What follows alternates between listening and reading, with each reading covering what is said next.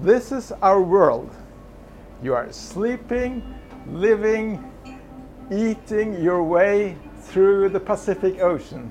So this is our micro world. And my hypothesis is that uh, in this micro world, we will see many of the same features as in the world outside.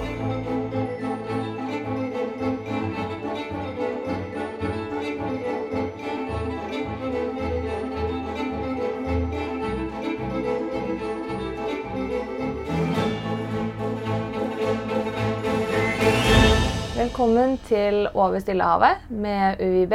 Jeg er Stina, og jeg studerer manus. Jeg er Cecilie og studerer biologi. Og jeg heter Simon, og jeg studerer psykologi. Ja, og Simon er med i dag fordi vi skal snakke med en av våre professorer, Jarle, som har undervist oss om psykologi eh, de siste fem ukene. Og eh, jeg tenkte at i dag så kunne vi starte å snakke litt om det å bo så tett oppå hverandre. Vi er jo 90 studenter som sover i hengekøyer tett i tett. Vi deler bad, vi deler eh, alt, egentlig. Eh, og det kan være slitsomt til tider. Eh, Simon og Cecilie, dere har jo vært eh, hengekøye-buddies. Oh yes. Det har vi, og da er det viktig å etablere grenser tidlig. Eh, vi etablerte, eller Simon etablerte, en uh, serious safe space. Altså, det begynte jo veldig med at det skulle være en safe space. Derfor vi, vi eh, sov vi veldig tett oppi hverandre. Rett bortom. Og det var egentlig ganske koselig. Men eh, etter hvert så fant jeg ut at Cecilie fniser en del. Er du en fnisejente? En liten fnisejente. Så jeg tenkte litt på kødda at vi måtte etablere en seriøs safe sone der det ikke var lov å ikke var, ikke var lov å Ikke noe plass til latter eller gøy eller glede. Ikke plastikkglede. Nei. Det er bare seriøs, seriøse tema. Og Så da følte jeg at eh, seriøsiteten gikk opp, og tryggheten gikk ned, da. Nei, men vi var jo også veldig vi, Man kjente at man var veldig nærme hverandre. Ja. Um, og det gjorde man også fysisk. Min hengekøye ble jo ganske slapp etter hvert, og da fikk jeg Simon gyngende over meg med ja. På et tidspunkt der så endte jeg opp med å nesten ligge oppå Cecilie, tror jeg. Ja, vi spuna i hver vår hengekøye. Det var hyggelig. Veldig koselig. Det er lite intimitet her, så jeg lot det bare gå i noen Mm. dager. Før jeg ba Ove, som er eh, eh, Hva er det han er, da? Ove er jo eh, på en måte vår mamma og pappa her. Det er han som ja. eh, har eh, kontroll over banjeren, at alt ser bra ut med vasking og, og alt. Så om det er problemer med hengekøyer eller noe sånt, så er det han vi går til. Ja. Får ikke lov til å stramme de selv. Det er det han som står for. Ja. Ja. Og da, etter et par dager med meg liggende oppå hunden, så bestemte vel Cecilie for seg for å gå til Ove. ja. Nå var det nok. Nå ble det litt for mye rumpe i ansiktet. Nei, men det, jeg savner å sove ved siden av Simon nå på rød vakt. Nå sover jeg alene, og man blir jo vant til, vant til det òg. Men det er ikke bare lett å sove der du sover nå heller, er det vel? Nei, men det, ja, det er av andre grunner. Eller det er vel av samme grunn. Eh, Det er jo at vi er oppå hverandre og er veldig mange folk på samme sted. Og mye bråk. Og vi har jo veldig tunge og vanntette dører som skiller eh, banjerne. Og det er ikke alle som er like flinke til å eh, legge de rolig på plass. Det har jeg erfart veldig i den nye posisjonen min, for jeg er ganske nærme det skillet, da. Em, så da har jeg hatt noen uh, tidlige morgener med spionasje fra hengekøya. Og nå er det en eller annen ubestemt lyd, som det ofte er fra dette skipet, som durer noe veldig i bakgrunnen. Eh, men sånn må det nesten være når vi spiller en podkast på et skip. Det er, eh, dette er så stille som vi får det. Dere får finne dere i det. Det er alltid en eller annen uforklart lyd Ja. som bare begynner.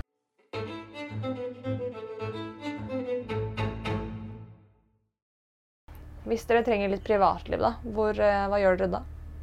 Jeg føler at det eneste stedet man får eh, privatliv, er eh, i hengekøya. Mm, det blir liksom din egen private kokong. Eh, så bare, det er det eneste stedet som bare er ditt, på en måte. Og folk vet at de ikke skal forstyrre deg hvis du har lagt deg i hengekøya. Da er det en grunn. Mm. Men uh, ellers så er, kommer folk bort hele tiden, og man, man eh, ja, er på tilbudsfronten hvis man er på dekk. I tillegg så kan du, prøve sånn universale tegner med å ha i headset og høre på musikk, men selv da så finner folk for, ofte tid til å bare bygge bort til deg og avbryte. Og nå har jo alle på skipet mistet musikken sin. Fordi Spotify deaktiveres etter sånn 30 dager. Ja. Når vi har vært offline. Så nå har jo én etter én mista musikken sin. Så hvis vi sitter med headset nå, så kan vi ikke bruke den unnskyldningen lenger. Unnskyld, jeg har på musikk, jeg kan ikke Ja, Men jeg føler også at uh, selv om man eh, prøver å trekke seg tilbake, så er man jo faktisk aldri ordentlig alene. Og jeg merker også at eh, med en gang jeg prøver å være alene, så kicker fomoen inn ganske fort. Med en gang jeg hører noen le i bakgrunnen, så er jeg sånn Hva skjer der borte? Hva er så gøy? La meg eh, hoppe opp på hengekøya og være med. Ja, jeg er helt enig. Jeg syns det er litt krevende av og til å faktisk ta tid til meg selv og slappe av, for det er alltid noe som skjer. Mm. Og som du sier, den formen uh, slår litt hardt inn uh, av og til. Ja. Jeg føler man er uh, veldig sosial, men på et underskudd ofte. så man er liksom Man har lyst til å være der, men man har ikke energien til å være der. mm. Ofte så er det bare sånn vi skal spille kort. Og det har vi gjort 15 ganger før eh, Ja, ja. siste uka, men man kan ikke miste det heller. Nei. Men et sted jeg syns jeg får uh, roet godt ned, er liksom på noen av de fysiske postene. Ja. Sånn som på, på bøyevakt, der du Mm. bare sitter og stirrer ut havet. Ja, og- ut på havet. Mm. Og bøyevakt er da den vakten hvor vi sitter helt bakerst på båten. Og er også kjent som mann over bord-vakten. Og vi skal se om det er noen som har falt ned i vannet, rett og slett. Ja. Eh, som det heldigvis ikke har vært noe av så langt. Eh, og siden det ikke er så mange som faller over bord, så kan man også sitte og bare slappe av og se utover havet.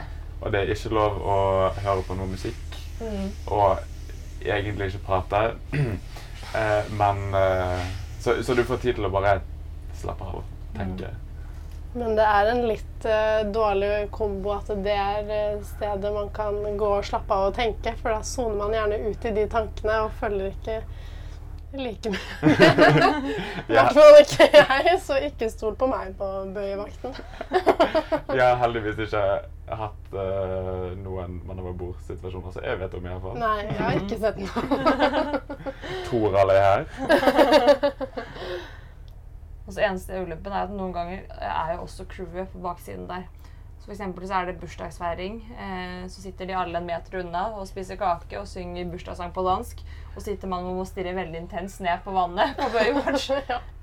Og, la, og late som at du ikke hører etter på hva Ja. som blir sagt. Mm. Og at du ikke vil være der.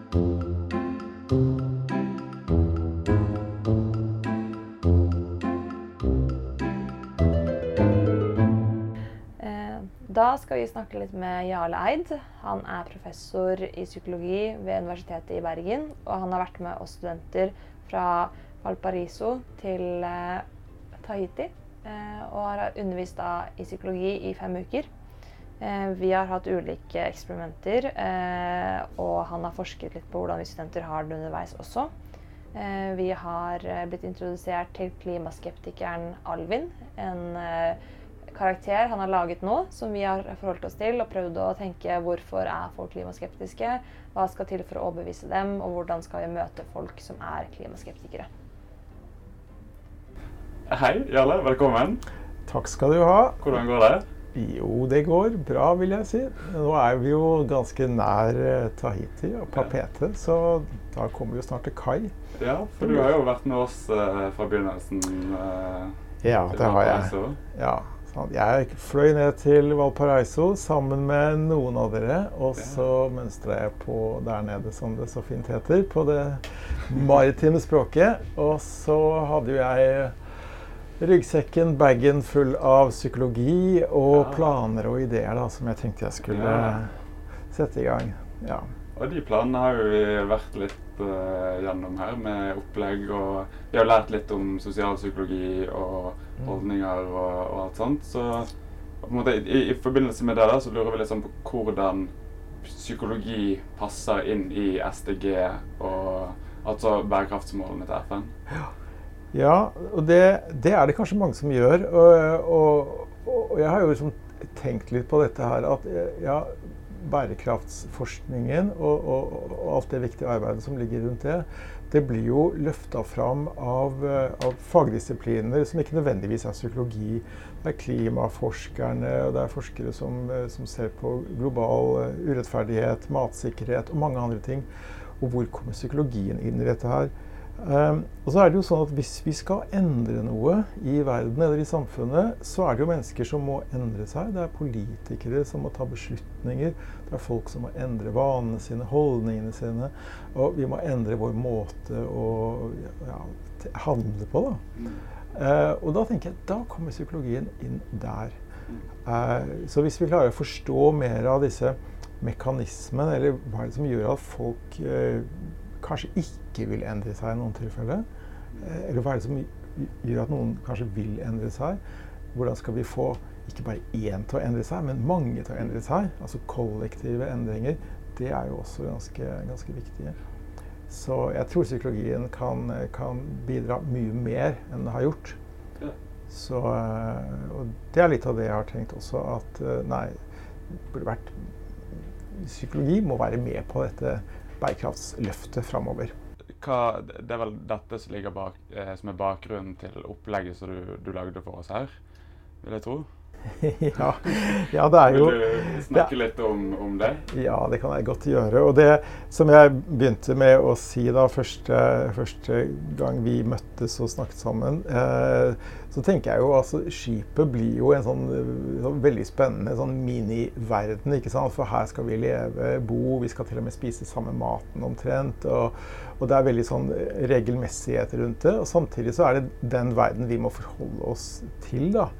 Uh, og, og, i en sånn diger målestokk så er jo verden er, har jo også begrensa ressurser. Vi er mange mennesker på jorda. Det er mye som skjer. Uh, og, og, det er klart at da det er det å forstå dette som blir, uh, som blir sentralt. da. Så, så, jeg tenkte jo at liksom vi, vi, skulle begynne med å snakke om holdninger, snakke om beslutninger og så eh, bringe fram noe av den forskningen som har kommet innenfor psykologi de siste årene på, eh, på miljø- og klimaspørsmålene. Mm. Prøve å bringe det over. Uh, og noe av den forskningen er jo så ny at jeg hadde ikke sett så nøye på den sjøl heller, for jeg begynte å forberede opplegget til dette kurset. da. Mm. Ja, har, du, har du lagt merke til en mye, som du sier, mye forskning ny hadde lagt merke til et mye større fokus eh, på eh, miljø og bærekraft gjennom din karriere? Ja, det, det, jeg, det er nok riktig å si. Eh, at, eh, at en, eh, det har jo kanskje vært noen psykologer hele tiden som har vært interessert i, i, i, feltet, og som har forsket på selvfølgelig grupper som har utfordringer og problemer ikke sant, i forhold til STG-ene med, med, sult og marginalisering og fattigdom og krig osv. Så, videre, så er det, jo, det er jo forskningstradisjoner på det. Men rent sånn bærekraftsmessig så, så vil jeg jo tenke at psykologi har ikke vært så veldig, har ikke hatt det høyt opp på dagsordenen. Uh, og det er kanskje fordi at en først og fremst tenker på psykologi. Det handler om at en skal behandle psykiske lidelser. Det, det, har noe med helsevesenet å gjøre. Det har noe med behandling og klinikk å gjøre. Og selv om jeg har jobbet med klinikk også, så, så tenker jeg at psykologi er jo så mye mer enn det. Det er jo også hverdagslivet, og det er alt som skjer rundt oss. Det er politikk, og det er beslutninger, og det er handlinger som vi gjør, ikke sant, som, som kommer inn. Så uh, så jeg tror psykologi kan være viktig framover i forhold til bærekraftsforskningen. Ja, vi har jo vært uh, en del av et lite forskningseksperiment, uh, oss studentene. Uh, du har jo gitt oss masse spørsmålshefter om hvordan vi har det fra dag til dag, og holdningene våre rundt hverandre og kultur og sånn. Hva var tankene dine bak det? Ja, ja altså tankene bak det er jo å benytte anledningen når vi, når vi har en studentgruppe med, med 12-13 forskjellige nasjonaliteter samla om bord og skal seile sammen så lang tid. Hvordan, hvordan, er det vi tilpasser oss hverandre, og hva er det som blir opplevd å være utfordrende og eventuelt vanskelig? Eh, og, og, hvilke mestringsstrategier er det folk bruker? Så vi gjorde en del sånn forskning eh, i Forsvaret tidligere. Når jeg jobbet på Sjøkrigsskolen, så, så fulgte vi kadettgrupper. da, Så på noe av det samme. Så har vi laget noen nye spørsmål eh, som går litt mer på kultur, siden nå har vi sånn tverrfaglig og sammensatt gruppe.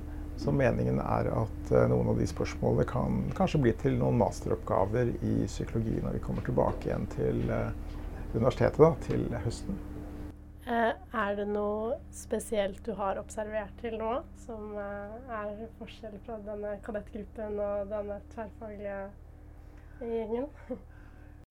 Ja, det, eh, det, som jo er annerledes, det er jo at når jeg seilte i forrige gang med, med Sjøkrigskolekadettene, så var jo det en gruppe studenter, elever, som jeg hadde hatt i undervisningen før. Så vi kunne liksom fortsette med Eh, en tankerekke og ta den om bord. Og så kunne vi da bruke situasjonen om bord. Eh, men jeg hadde jo mye fokus på sosialpsykologi den gang også. Uh, men da var det ikke så mye på klima og bærekraft som vi har hatt fokus på nå. Da var det mer på mestring og, og det mer sånn personnære. da, Personlig utvikling og mestring. Uh, så det har vi jo ikke hatt så mye fokus på uh, i den gruppa her. Det har vært mer sånn de store, store globale spørsmålene, egentlig. Så det har nok vært en, en forskjell. Ellers så syns jeg jo at studentgruppa her er jo imponerende dyktig. Altså det å håndtere rigg og seil osv. Det syns jeg er like flinke som sjøkrigskolekadettene har vært med å klatre og få ting til å fungere. Og kanskje også shantysyngingen har vært eh, på nivå med Sjøkrigsskolen. Absolutt. Så. Det er gøy å høre. ja. Ja. for vi er jo en veldig, som du sier, eller som vi har vært inne på, en veldig mangfoldig gjeng. Hva, hva, hva, hva tror du er um, fordelene med å være så mangfoldig og så interkulturell og uh, interfaglig? Ja, det, det, det, er jo en kjempe en gave, ikke sant. Fordi at du, du, får, jo, du får jo perspektiver, og så får du noen som, noen som, sier ja, men det er ikke jeg enig i, fordi at Du blir utfordra litt på det faglige. Og så tror jeg det at, eh, at hvis du er den, kanskje den eneste fagpersonen i gruppa, da, vi har jobba veldig mye i team, så, eh, så, må du liksom Du må liksom stå for, for din faglige standpunkt eh, i litt større grad enn hvis det hadde vært alle var helt like. Så, eh, så, jeg tror at folk har følt at de måtte, må stå opp for faget sitt, og så, og så må de være med og, og engasjere seg. Og det syns jeg har sett de har gjort gjennom de oppgavene de har fått. Ja, har du lagt merke til noe sånn spesielt uh, med måten vi har arbeidet på, eller noe som du har bitt deg merke i? Ja, Det jeg syns var spesielt artig, det er nok den siste oppgaven som vi jobbet med. da, Hvor, eh, hvor dere fikk en utfordring å, å, å tenke kreativt rundt eh, framtidige bærekraftsløsninger. Gjerne, gjerne liksom strekke det litt og, og, være innovative. Kanskje noen framtidsløsninger som, som ligger mange år fram i tid, eller som kan virke litt urealistiske i dag. Eh, og der syns jeg det var utrolig mye engasjement og masse, masse spennende. Og noen ganske ville ideer også, men, men sånn må det nesten være. Eh, for, er det noe spesielt du vil trekke frem? Av, av ville ideer? Ja. Altså, eh, ja, det var flere sånne ideer som gikk på dette med Det var kanskje ikke så vilt, men, men det å, å redusere matsvinn f.eks. Etablere systemer for å kunne finne ut av hvor er det maten jeg kjøper, hvor kommer den fra, hvordan er den produsert. Uh, det var en gruppe som ville, ville, gjøre noe med det at vi, biene blir borte. Ikke sant? Biene dør ut. Uh, hvordan skal vi liksom klare å holde la, Få fatt i bier som kan fungere, og da vil de lage superbier. Uh, og flere som snakket om, om forskjellige andre prosjekter som skulle bygges eller konstrueres eh, på klimavennlige måter og sånt. Så det var my mye kreativitet her. Burde alle lære psykologi? Ja eh, altså jeg, jeg, tror jo at psykologi eh, vil være viktig i forhold til klima- og bærekraftsmål. da. Men alle trenger ikke å bli psykologer. Men det, det å liksom forstå hva er det som gjør at mennesker uh, ja, klarer å samarbeide. Hvordan, eh, hvordan, kan det oppstå konflikter? Hva, hva, gjør konkurranse med folk? Vi laget jo en situasjon om bord hvor det kunne blitt en stor konkurranse mellom de forskjellige lagene. ikke sant? Og så ble det jo ikke det, for dere klarte jo å samarbeide på en veldig fin måte. Men det er det jo ikke alle som gjør. Noen begynner jo å konkurrere fordi at de elsker å konkurrere. ikke sant? Og da får du vinnere, og da får du tapere. Uh, og i noen sånne store spørsmål som, som, uh, som det vi snakker om nå, så, så, bør vi ikke ha vinnere og tapere. Vi må prøve å få vinner, alle til å bli vinnere. ikke sant? Og løfte, løfte alle. Så, så jeg tror ikke alle behøver å ha psykologi, men jeg tror at det er psykologi hele tiden. Så jo mer du ser av det og forstår av det, jo, jo bedre blir det, tenker jeg. Så ja. Mm. Vi har jo hatt flere oppgaver hvor vi skal forholde oss til denne Alvin, som da er en fiksjonell person som er klimaskeptisk, i starten i hvert fall, mm. og prøve å overbevise han til å se konsekvensene av klimaendringene. Ja. Hvordan ville du forholdt deg til Alvin har du noen som er litt Alvin i livet ditt, og hvordan, hva gjør du i møte med klimaskeptikere? Ja, altså Alvin er jo denne, denne fiktive personen da, som, eh, som, ble introdusert. Og, og, det ga jo en mulighet til å diskutere dette med skepsis og, og motstand mot kanskje kunnskap og forskning. Eh, vi går rett inn i sånn fake news-diskusjoner også. Hvordan er det sosiale medier påvirker oss, eh, osv. Så det er, det er vanskelig, fordi at folk vil jo være i sine egne skal vi si, bobler, hvor de, hvor de får informasjon gjennom ja, f.eks. sosiale medier, så får du jo mer av den informasjonen du faktisk søker. Får du enda mer av det, så det blir bare en sånn selvforsterkende greie. Så, så jeg tror jo at utdanning, dialog, diskusjon Kanskje, kanskje måtte rett og slett uh, gjøre noe sammen med de. ikke sant? Jeg tror jo at denne, hvis denne fiktive Alvin-personen som var skeptisk, hadde vært om bord sammen med oss, så tror jeg at når de kom til Tahiti, så hadde Alvin vært en som dro i de samme tauene og var liksom blitt en del av gjengen, han også. Så, uh, så jeg må liksom hekte de og med og ta de med videre. Jeg tror det er svaret. Ja, og vi har hatt veldig mye team Eh, undervisning mm. her også. Alt vi har gjort, har jo vært i Teams. Og det tror jeg har vært nytt for veldig mange. At uh, hver eneste oppgave er, eh, er uh, en del av teamet. At alt skal gjøres sammen. Hva har vært tankene rundt det å få oss til å jobbe så mye tett i tett? Ja, på skipet så må dere jo gjøre det, ikke sant. Det, det har jo jeg også erfart. At det å dra i et sånt tau helt aleine, det er ikke så mye vits i. Uh, så da må jo være flere. Eh, og så ligger det jo i hele naturen sant, til kurset at eh, dette må være teamarbeid. Det kan ikke være en sånn jeg, 'nå skal jeg endre ting i verden'. Eh, flere må, må inn.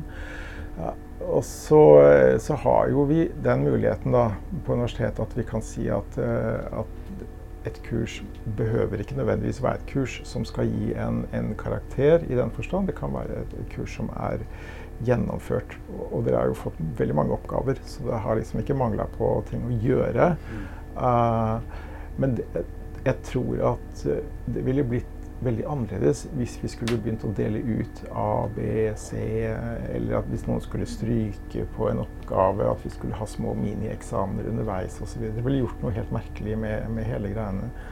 Så, eh, så det pedagogiske og opplegget og vurderinga går liksom da hånd i hånd med det faglige tenkningen. Det er i hvert fall det vi har tenkt når vi laga den evnebeskrivelsen til SDG 200. Har du merket noe spesielt med gruppedynamikken som har oppstått her på skipet? Er det noe som vært en veldig typisk uh, ja. Ja, det er det. Det er veldig typisk. Det er, det er like fascinerende hver gang hvor fort folk føler seg hjemme i en gruppe. Uh, og hvor vanskelig det er å skulle i det hele tatt tenke på å skulle bryte opp disse gruppene igjen. Det skjer nesten hver eneste gang. Så, uh, så, uh, og det er jo egentlig en veldig positiv ting. At vi føler tilhørighet, og, og, at her blir vi tatt vare på. Og det er noen som er i samme båt. Det er vi jo for så vidt alle. Men, men også at, at, det er en gjeng her som en liksom kan relatere seg til. Um, så vi, vi, tenkte litt på det at det er, det, det er, viktig å ha denne gruppebasisen.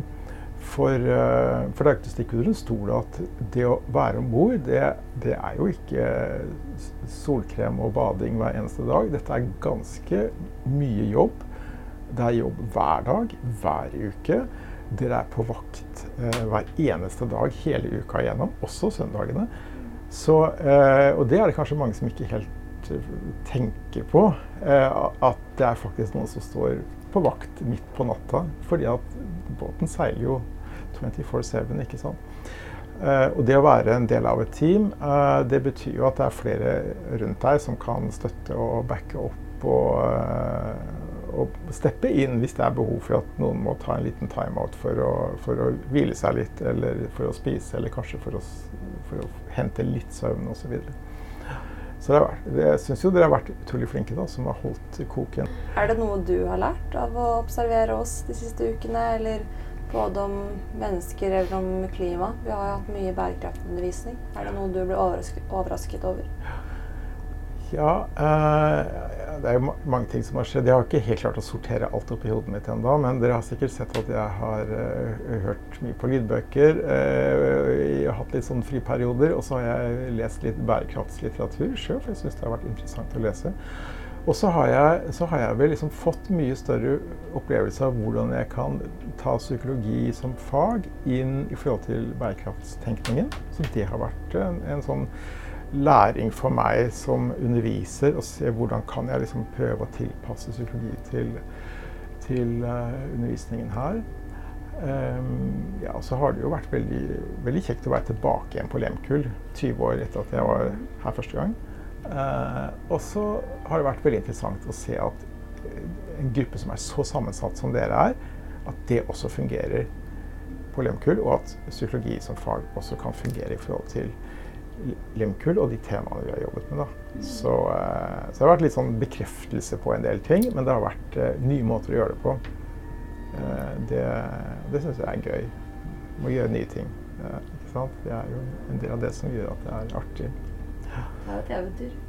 Ja, det er det. Det er klart det er et eventyr å stå under stjernene og, og se og snakke med en student eller en medseiler eller hvem det måtte være, ikke sant? om ja, livet og tanker og, og hvor den er på vei hen, det, det, er jo helt spesielt. Det er magisk, rett og slett. Så eh, vi får håpe at det fortsetter å være magisk, og at vi klarer å ta vare på jorda. Da. Ja, for det tror jeg blir vårt siste spørsmål i dag. Mm. Har du håp for fremtiden? Ja, det er jo noe av det jeg syns var viktig å formidle i undervisninga også, dette med håp. Eh, jeg tror vi trenger håp. Jeg tror vi trenger å være optimistiske, eh, realistiske. Og så tror jeg vi, vi, trenger folk som har tro på at de kan finne løsninger og få ting til. Eh, og så tror jeg at vi også må være Vi må innse at det vil ta tid. Det er, eh, det er godt, tatt mange generasjoner å komme dit vi er i dag. Det krever mye å snu det også. Og få ting inn på bedre spor. Eh, men jeg tror det er mer og mer som kommer til å skje. Fordi at det må skje. Så enkelt og så vanskelig er det. Godt sagt. Mm. Tusen takk for at du var med i dag, Jarle. Det har vært veldig hyggelig å ha deg som underviser disse fem ukene. Mm. Dette var eh, Over stille havet eh, med UiB. Takk for oss.